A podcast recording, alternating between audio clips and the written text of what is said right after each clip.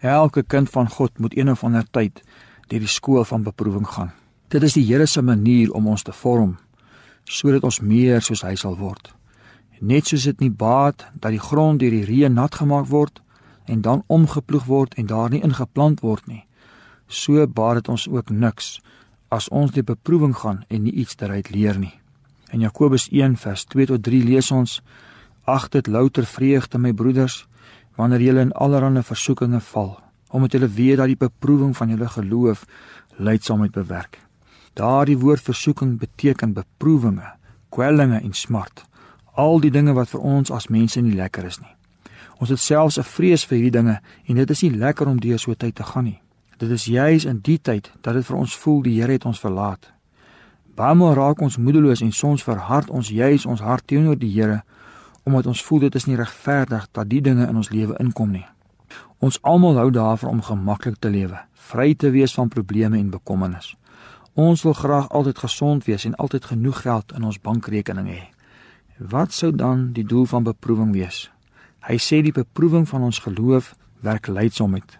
Lydsaamheid beteken die vermoë om onder moeilike omstandighede uit te hou. Iemand het eendag in die veld geloop en gesien hoe 'n vlinder uit sy papie probeer kom. Hy probeer toe om hierdie vlinder te verlos. Nadat die vlinder verlos het, kom hy agter dat die vlinder nie kan vlieg nie en dit het kort daarna gesterf.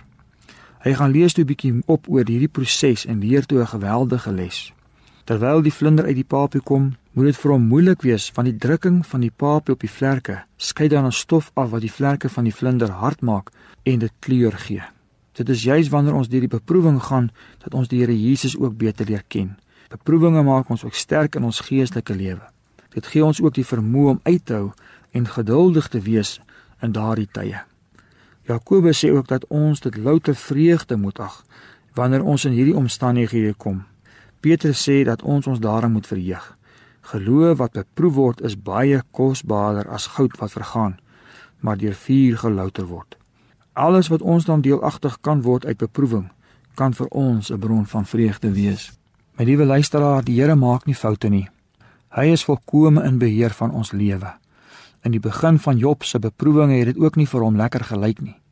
Maar as ons sien wat die uiteinde daarvan was, gee dit ook vir ons moed om aan te gaan en uit te hou totdat die Here ons deur die beproewing geneem het. Liewe Here, dankie dat U medelee het met ons swakhede. Ons vertrou U vandag om ons te versterk in ons tyd van beproewing. Amen.